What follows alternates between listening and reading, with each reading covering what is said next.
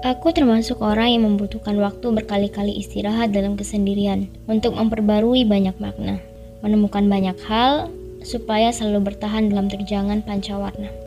Aku pernah mendapatkan cerita dari mama tentang perjuangan seorang manusia dengan peran ganda.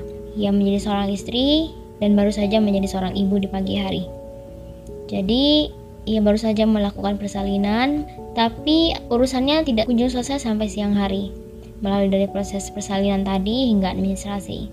Jadi, ini disebabkan oleh ketidakhadiran sang suami. Sebenarnya, suami ini sudah ditelepon berkali-kali sama istrinya, tapi tidak pernah diangkat. Ya, entah ada apa dengan suaminya? Apakah ia mengalami kecelakaan, ponselnya hilang, atau bentuk musibah lainnya? Namun masih kurang masuk logika aja karena yang mengantarkan istri untuk bersalin ke rumah sakit itu suaminya sendiri. Ibu dan anak tertahan di rumah sakit disebabkan oleh proses pembayaran yang belum lunas. Dari sini aku teringat sama pesan mama dan baba yang hampir setiap hari membicarakan hal yang sama. Bahwa hal yang paling pasti di dunia ini adalah mengembangkan diri sendiri agar merasakan keamanan keamanan untuk diri sendiri, atau membuat orang lain aman, atau sesuatu yang begitu kita syukuri, karena ya kita menapak kaki kita sendiri ketika orang lain tidak bisa kita andalkan. Dari cerita mama, aku menyimpulkan bahwa seorang pacar, sahabat, suami, bahkan ayah dari anak-anak kita tidak akan selalu bijaksana dan baik. Minimal dalam pandangan kita, manusia itu selalu berubah. Kalau tidak kita, ia orang lain.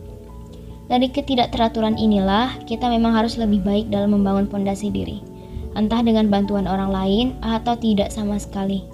Entah akan belajar sendiri atau didewasakan oleh orang lain. Yang penting adalah belajar, menelaah supaya tidak semua terserap tanpa disaring. Supaya luka juga lekas mengering, ya dalam tanda kutip, sesuai dengan bagaimana diri kita siap dan ingin.